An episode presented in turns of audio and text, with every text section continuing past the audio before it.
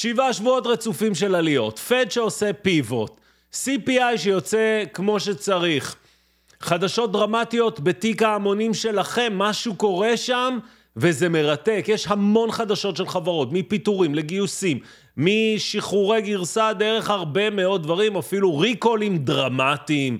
כל הדברים האלה אנחנו נסקר, וכמובן נסתכל על שבוע הבא, שהוא בעצם השבוע האחרון שיש בו חמישה ימים בשנת 2023. ולמה? כי שבוע הבא הוא כבר שבוע של כריסמס, חג המולד, ובו יום שני הוא יום חופשי.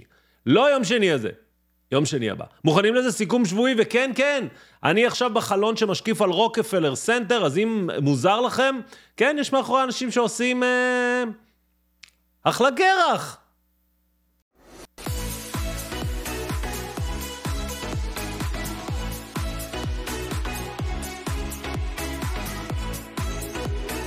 אז מה המצב חברים? תודה שחזרתם וכרגיל ברוכים הבאים לכל המצטרפים והמצטרפות החדשים והחדשות ולמי שלא מכיר, אני מיכה מאמריקה. אני מביא לכם את כל מה שקורה מהצד השני של העולם בשפה שרק אנחנו מבינים וכרגיל כל מה שאתם רואים הוא כמובן על דעתי בלבד, הוא איננו המלצה לפעולה ואיננו ייעוץ פיננסי. אתם יודעים מה? בואו ישר נתחיל עם המדדים. בואו נתחיל ונראה מה הם אומרים. ככה הם סיימו את השבוע. אתם יודעים מה? רגע, זה נראה אה, ממש מגניב פה במצטיר. איזה יופי הם פה מאחורה. הם אה, מחליקים בעיגולים, תראו איזה כיף, תענוג, ואנחנו מסתכלים על הגרפים. ה-S&P 500 השבוע עולה בכ-2.5 אחוז, הדאו עולה בכמעט 3 אחוז, הנסדק עולה ב-3.3, הראסל, ראסל, ראסל עולה ב-5.5 אחוז, והבאתי לכם את ה-S&P. שימו לב, השבוע הראשון שהכל מתחיל הוא השבוע של ה-30 לאוקטובר. שנה שעברה באוקטובר גם היה, שפל, שימו לב, 1, 2, 3, 4, 5, 6, 7, שבעה שבועות רצופים של עליות. דרך אגב, אם אתם רואים עכשיו את ה TradingView ואומרים, איך סידרת אותו ככה? אתמול עלה סרטון, TradingView. הדרכה, סידור תצוגות, תצוגת איך מציגים פונדמנטלי וכולי וכולי. אתם מוזמנים כמובן אה, לצפות בו, הוא יהיה באקדמיה ושם אתם יכולים להתעדכן. אמ, אז זה לגבי המדדים. ככה נראית מפת החום. השבועית, שימו לב, יש לנו בסך הכל השתתפות די רחבה, חוץ מחברות אה, אה, בריאות מסוימות, אתם יכולים לראות, וגם גוגל שקצת נחלשה השבוע. וככה נראים המגניפיסנט 7, השבע מופלאות. טזלה מובילה את המופלאות בפריצה מ... המשולש המתכנס שלה, NVIDIA עולה בכשלושה אחוז, אמזון עולה, אפל עולה, מטא עולה, מייקרוסופט עולה וגוגל עולה. אני רוצה אבל כן שנשים לב לבעצם מה שקרה השבוע. מה שקרה השבוע זה שהמגניפיסנט 7, שימו לב לאחוזי התשואה שלהם, דווקא היו נמוכות מהאחרות. זאת אומרת שאם אני אלך ואסתכל שוב בגרף, ובמקום להסתכל על ה-SPY, אני אסתכל על ה-RSP, אני אראה שה-RSP, המדד המשולב, עלה ב-3.8% השבוע, אתם יכולים לראות את זה מצד שמאל. למה זה חשוב? כי בעצם זה מצביע על זה שאנחנו מתרחבים בהשתתפות, הרבה יותר חברות משתתפות באחוזים גבוהים יותר מאשר המגניפיסנט 7, מה שמסמל שהראלי הוא אמיתי לחלוטין. יש כבר שאלות האם סנטה הגיע מוקדם או מאוחר, על זה נדבר בסרטון אולי של מחר, אולי במהלך השבוע. בגזרת הקריפטו ככה זה נראה, הביטקוין עולה ב-3%, והאתריום ב-1.2%, אתם יכולים לראות את הפיק שהוא הגיע כמעט ל-45 ואז נחלש ושוב עלה, ותעודת הסל נשארה עדיין כחלק מהחלומות. ואם אנחנו מסתכלים על המדדים, אני גם אחזור לגרף, על הטבלה הזו גם בהמשך, אז בעצם כל המדדים נמצאים כרגע ב-overbot, אפילו יש כאלה שנמצאים באקסטרים overbot, במילים אחרות, אנחנו בסיטואציה שכרגע לבוא ולפתוח פוזיציה או להיכנס אולין או כל דבר אחר, זה קצת, קצת, קצת מאוחר, רק שלשוק יש כרגע מומנטום משל עצמו, מומנטום שנקרא FOMO, Fear of Missing Out. אה, כמו שלכל אחד ואחד מאיתנו יש אה, הרגשה שהנה זה בורח ממני. Fear and Grid אנחנו נמצאים על 67, עוד לא אקסטרים פרי, פריד, עוד לא אקסטרים גריד, אבל אנחנו מתקרבים לשם. ותיק, חוכמת ההמונים. תזכורת קלה, אתם בחרתם 20 מניות, חילקנו אותם לשני סוגי תיקים. תיק אחד לקחנו את כל ה-20 וחילקנו בצורה שווה, תיק שני לקחנו את כל ה-20, ונתנו משקל די דומה ל-S&P, לא למשקל של ה-S&P, אלא משקל לפי כמות ההצבעות שלכם. זאת אומרת, אם מלא אנשים ביקשו טסלה, היא קיבלה את האחוז הגבוה ביותר, בהתאם לכמות האנשים. אחרי זה NVIDIA ו-AMD וכולי. ועכשיו הנתון המעניין, שימו לב, בתיק שנותן משקלים שונים, מתחילת הרבעון, דהיינו מהראשון לאוקטובר, עליתם ב-15.6%. ה-S&P באותה תקופה עלה ב-10%, שיחקתם אותה 50% עלייה יותר. מדהים, מדהים, מדהים, מדהים. לא עליתם ב-50%, אלא 5% יותר מ-10 זה 50% יותר, אוקיי? 15% ברבעון, פחות מרבעון, הוא עוד לא הסתיים. אז כן, מיכה זה לא חוכמה, הכל עלה, אתם צודקים. אבל ההוט טייק הוא דווקא זה. במדד המשולב, כל אותן מניות שחילקנו בצורה שווה, לא שיחקנו, לא איזנו, כמו שהם היו, ככה חילקנו, שימו לב, 25 אחוז. 25 אחוז. במילים אחרות, כשאתם בונים את הפורטפוליו, הנה אני מסבך לכם את החיים עוד יותר. אתם צריכים לחשוב האם אתם עושים את זה במשקלים, או שווה בשווה.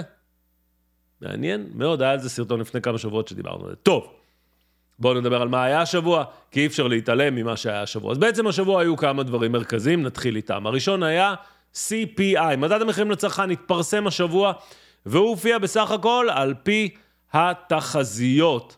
עלייה של 0.1, כאשר הצפי דיבר על זה שה-core CPI, אה, אינפלציית הליבה, תעלה בסדר גודל של 0.3, ואכן זה הגיע כצפוי, אפילו טוב מהצפוי, אם נכנסים למאיות הנקודה. אנחנו לא ניכנס למאיות הנקודה, אבל זה ללא ספק אה, עזר לשוק להמשיך ולעלות. אנחנו יכולים לראות את האינפלציה, הקו הכחול זה אה, מה שנקרא האינפלציה שכולנו מכירים.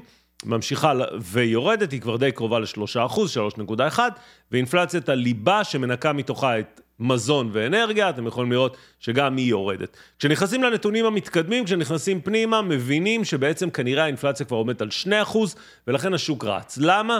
כי המרכיבי האינפלציה המשפיעים ביותר הם שלטר, שאתם יכולים לראות פה שהוא כל הזמן עוד עולה. אבל במציאות, עוד שנייה תראו בחדשות, אנחנו רואים ירידה, זה אחד.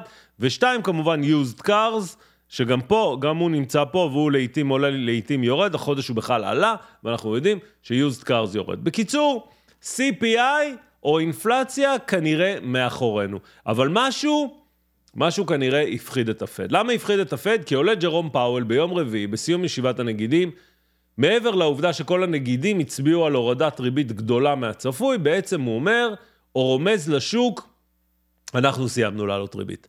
אין יותר העלאות ריבית, ויותר מזה, הדוט פלוט, אותן נקודות של הנגידים, רגע, הנה הם פה, אותן נקודות של הנגידים מצביעות על כך שהפד מבין שהוא הולך להוריד ריבית בצורה משמעותית, כשבעצם, לפחות לפי הערכות שלהם, ב-2026 אנחנו נהיה שוב עם ריבית של 2.5%. זאת אומרת, אם עכשיו אנחנו 5.25, אנחנו נרד לב... לאזור ה-2.5, 2.75 תוך שנתיים. זו ירידה מאוד מאוד משמעותית.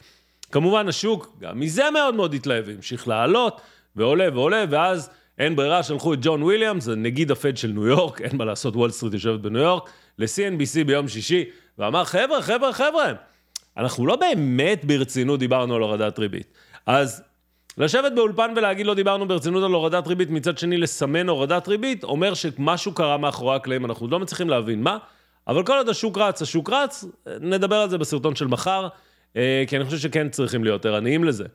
גולדמן זאקס כמובן לוקחים את המצב הזה, והם אומרים, אם זה המצב, ואיפה MC היה ברור מאוד שהוא הולך להתחיל להוריד את הריבית, כנראה שכבר במרץ יתחילו להוריד את הריבית, ואחרי זה הוא כמובן מראה את הגרף, שהוא מראה שמתחילים להוריד את הריבית וכולי, ומגיעים לאזור ה-3.25, 3.5, אה, תוך שנה ושנה וחצי.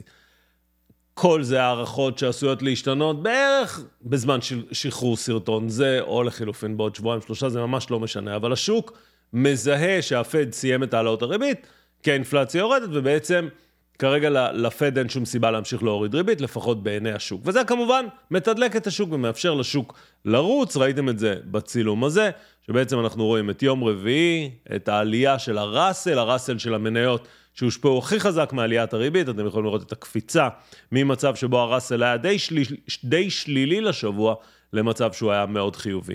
איפה יכולתם לדעת את זה? קודם כל, אם הייתם בקהילה, יכולתם לדעת את זה כמובן בסרטון תום לי, יכולתם לדעת על זה גם כשדיברנו על ראלי סוף שנה, הנה. שעלה בחמישי לנובמבר, כל הדברים האלה אנחנו מדברים עליהם בקהילה, אתם יותר ממוזמנים, וכל מי ששואל אם יש לינק לדיסקורד, יש פה בתיאור לינק לאתר שנקרא פטריון. בפטריון אתם בוחרים את המסלול שמתאים לכם. יכול להיות שאתם משקיעים בסיסיים, יכול להיות שמשקיעים מתקדמים, בהתאם לשירותים שאתם מעוניינים לקבל. נרשמים, ואז זה מתחבר לדיסקורד. אז כמובן ידענו את זה שם, וגם פה בערוץ ידעתם את זה בסרטון תום לי שעלה בסוף השבוע. אוקיי, אז זה לגבי הריבית, כמו שנראה כרגע, היא עומדת לרדת. היה גם PPI, גם הוא הופיע כצפוי, זאת אומרת, ה-PPI זה ה-Producer Price Index, גם הוא הופיע כצפוי. בקיצור, האינפלציה נראה שהיא, אה, לפחות בשוק מעריכים, שהיא די מאחורינו. זה מביא אותנו לתמ"ג, לתוצר המקומי הגולמי האמריקאי, שהוא חוזר לעלות, נמצא כבר על 2.6 אחוז, מושפע הרבה מאוד כמובן מהצרכנים והקניות ועוד ועוד ועוד, אבל נראה שהכלכלה האמריקאית לא, לא רואה, לפחות כרגע, את המיתון, אבל יש אנשים שעדיין, עדיין, עדיין מתעקשים שהולך להיות מיתון, הוא הולך להיות כבד. אני לא יודע להגיד מי צודק או מי טועה, אני גם לא מנסה לשפוט, כי זה ממש לא משנה. כל עוד השוק עולה, צריך ליהנות מהעליות. כשהשוק נהיה overbought או extreme overbought, צריך להיזהר מתיקונים. וככה ממשיכים. קדימה. איזה עוד חדשות היו לנו? איך לא נתחיל עם מניית העם, מניית טזלה, שעושה recall לכל, כמעט לכל הרכבים שלה בארצות הברית בשל תקלה ב Autopilot. ה recall לדעתי הסתיים, מאוד מאוד מהר לטזלה יש יכולת נפלאה להעביר עדכונים, כמו עדכון גרסה של אייפון או אנדרואיד, ובעצם לא צריך לקחת שום רכב למוסך. גוגל מפסידה במשפט שלה עם Epic Games, Epic Games יצרנית פורטנייט, שבעצם אה, תובעת את נושא... תובעת אותה על זה שהיא מפעילה מניפולציה ב App Store, בדיוק כמו שהיא עשתה לאפל. אה, דיברנו על אפל. הנה אפל בבקשה. אפל מקבלת הנחיה מהאיחוד האירופאי, מהרשות לתחרות, שאומר, להגבלים עסקיים, שאומרת, אתם חייבים לפתוח את יכולות ה-NFC, ה- tap to charge, ה-Wi-Fi, של, שאתם קוראים לו Wi-Fi, שעושים ככה עם הטלפון, לפתוח את זה לחברות אחרות, זו אפל. ועוד דבר שאנחנו מגלים בסוף שבוע זה שכנראה הסינים, לא רק שהם אה, הייתה שמועה והיא כנראה נכונה, אלא הם אפילו מתקדמים עוד יותר במניעה או בחסימה של שימוש במכשירי אייפון. הדבר כמובן יגרום, אם הוא נכון, או במידה והוא יתעצם, למצב נוסף שבו אה, אה, הסינים לא יקנו אייפונים וזה ישפיע בצורה משמעותית על אפל כמובן. פורד מרגישה את המלחמה את המלחמה שלה בחברות האחרות, ומצמצמת את כמות אה, ה-F150, הטנדר הנפוץ, לפחות בגרסה חשמלית, מצמצמת את הייצור ב-50% לשנה הבאה. היא רואה שכרגע הוא עולה לה יותר מדי, שולי הרווח לא קיימים, היא בעצם מפסידה על כל אחד, על כל טנדר כזה. זה קשה, זה מורכב, והעלויות שלה לא מאפשרות לעשות את זה. האם זה אומר ש, שפורד, כמו GM, מקריבים את הטווח הקצר לטובת הטווח הארוך? דעתי כן, אבל זו דעה בלבד. הסבורו מצמצמת 1,100 עובדים, שזה כ-20% מכוח האדם שלה, כנראה לא קנו מספיק צעצועים במהלך עונת החגים. אנליסט ב-JP מורגן מאוד מאוד מאוד אוהב חברה ישראלית שגם אתם מכירים, היא נקראת אינוויז, חברה מאוד מאוד קטנה. קטנה, קטנה, קטנה. אנחנו נדבר על חברות מהסוג הזה מחר בסרטון בוקר.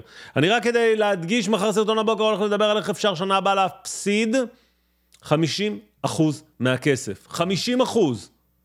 אפשר גם 30, אבל 50 אחוז מהכסף, זה, אינוויז פשוט הזכיר לי את זה, לאו דווקא אינוויז היא ה... אולי גם אינוויז, לכו תדעו.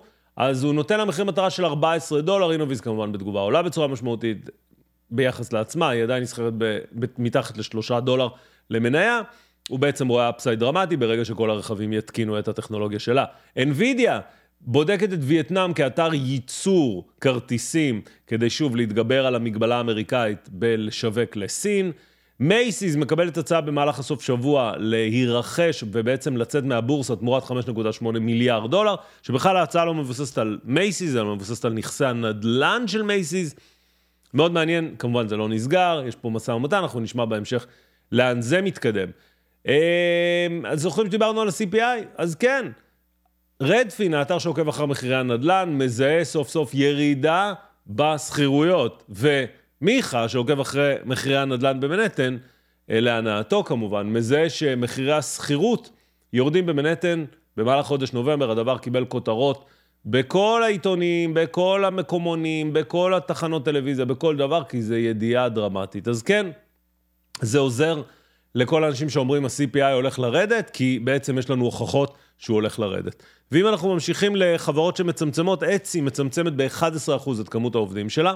במצב רגיל המניה הייתה עולה, כי מצמצמים זה מתייעלים.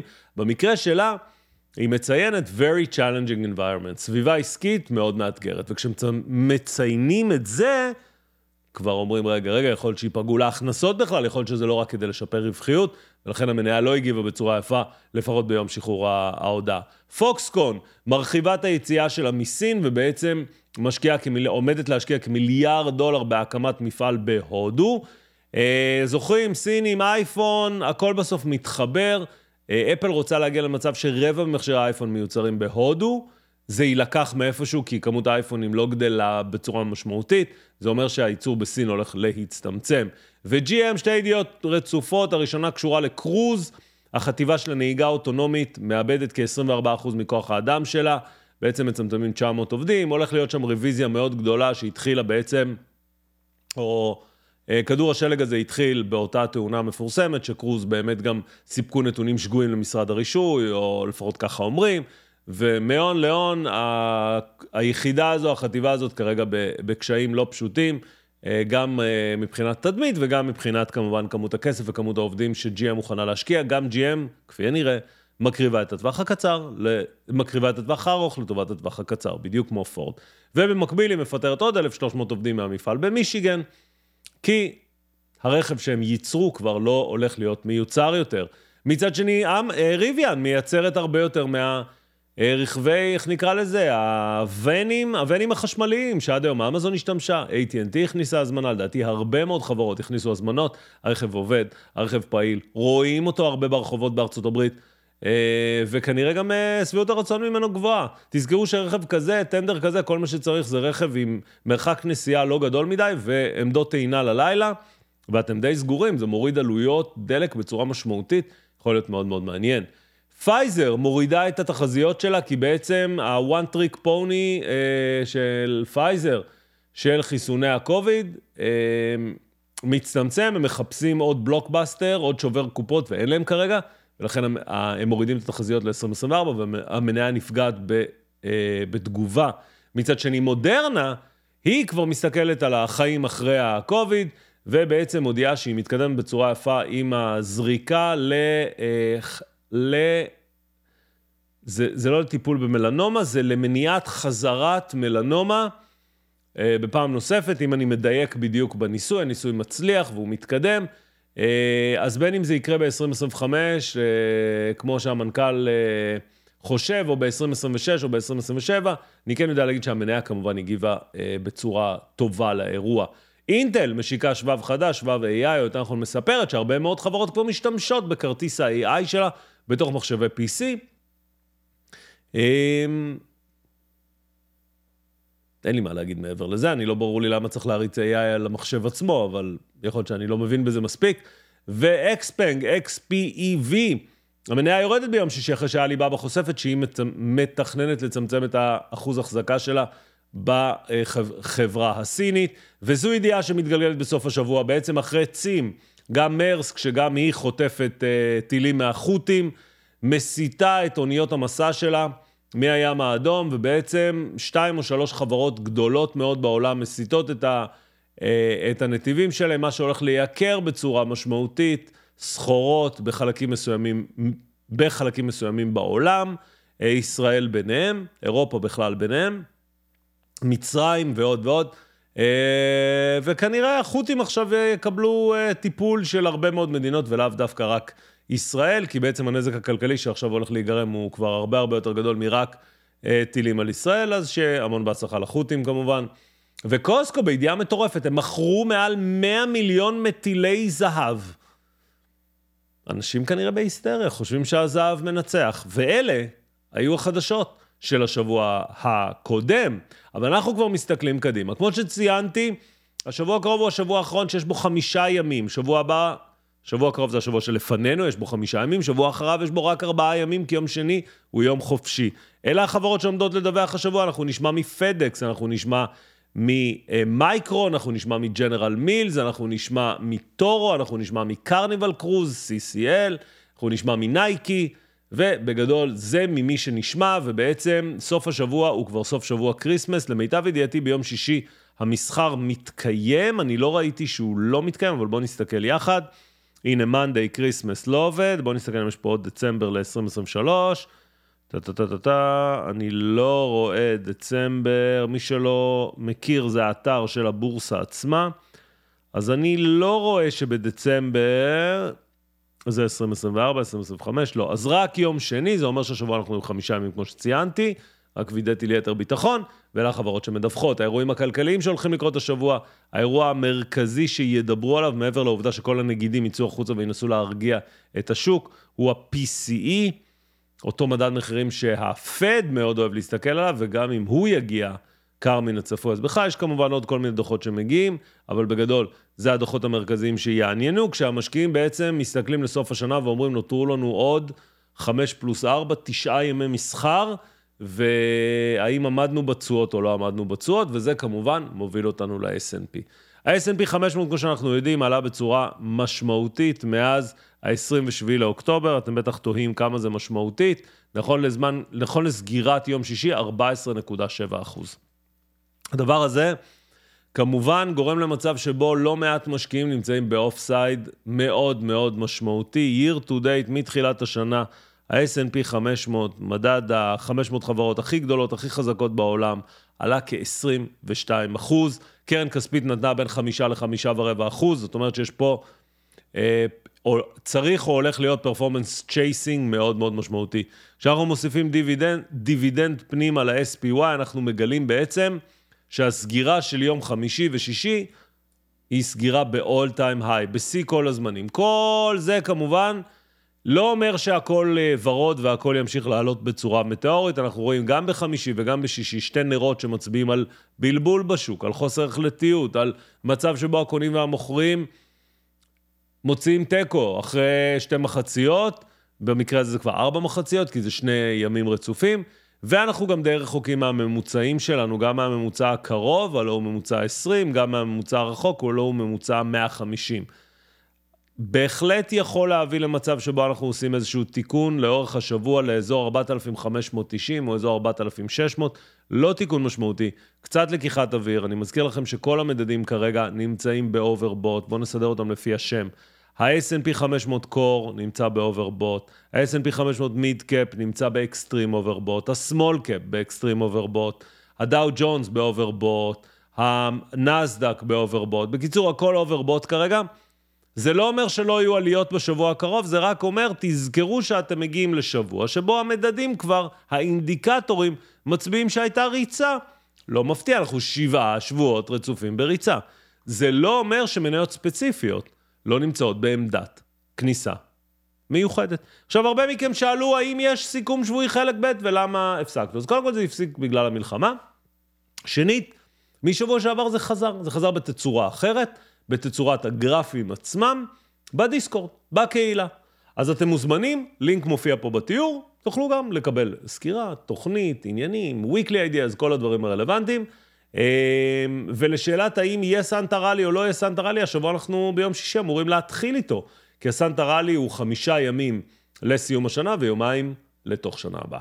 אז אני הייתי מחמי אמריקה, אני מקווה שנהנתם. מחר בבוקר סרטון, אחרי הסרטון הזה כמובן, מחר בבוקר סרטון על הסיכוי להפסיד 50% במהלך 2024, כי הכל נראה ורוד, וכשהכל נראה ורוד, תמיד גם צריך לדבר על הסיכונים. אה, תארגנו בלייק, מה אכפת לכם? זה רק חושף את הערוץ לעוד ועוד אנשים. זהו, אני הייתי מחמי אמריקה, שלום, יאללה ביי.